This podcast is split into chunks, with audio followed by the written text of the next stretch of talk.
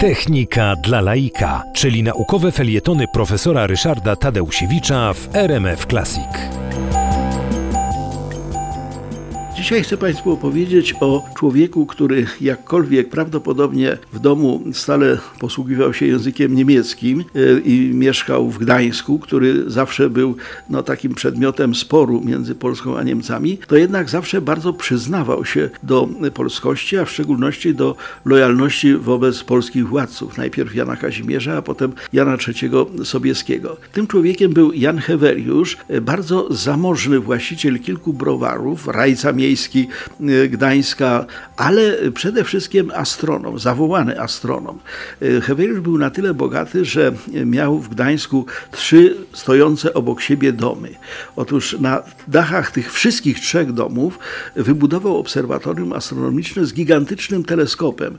Y, ten największy, który zbudował, miał ponad 50 metrów długości. I wobec tego tym prze, prze, ogromnym teleskopem obserwował zjawiska astronomiczne i procesy astronomiczne y, które no, y, nikt przed nim w tak dokładny sposób nie zbadał.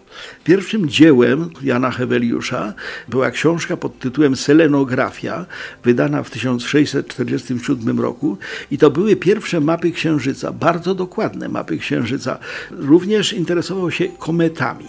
Y, napisał książkę Kometografia, no i za tą książkę został członkiem angielskiego Royal Society i oferowano mu w 1668 roku właśnie po tej książce Kometografia, kierownictwo Obserwatorium Astronomicznego w Paryżu. Ale nie zgodził się, bo jemu było dobrze w Gdańsku, zresztą miał tam, jak powiedziałem, browar, posadę rajcy miejskiego, a przede wszystkim, co wielokrotnie chcę podkreślić, bardzo y, życzliwe nastawienie wzajemne jego do królów polskich i królów polskich do niego. Między innymi odkrywszy nowy gwiazdozbiór na niebie, Heweliusz nazwał go Tarcza Sobieskiego i do dzisiaj ta Tarcza Sobieskiego na, y, na firmamencie e, istnieje. Słynny Edmund Halley, astronom brytyjski, odkrywca komety Haleya, przyjechał do Heweliusza, dlatego że e, wydawało się niemożliwe, żeby amator, działając samodzielnie, aż tak wielkie rzeczy osiągnął. Przyjechał jako, powiedzmy, wizytator, natomiast wyjechał jako gorliwy sojusznik. Prace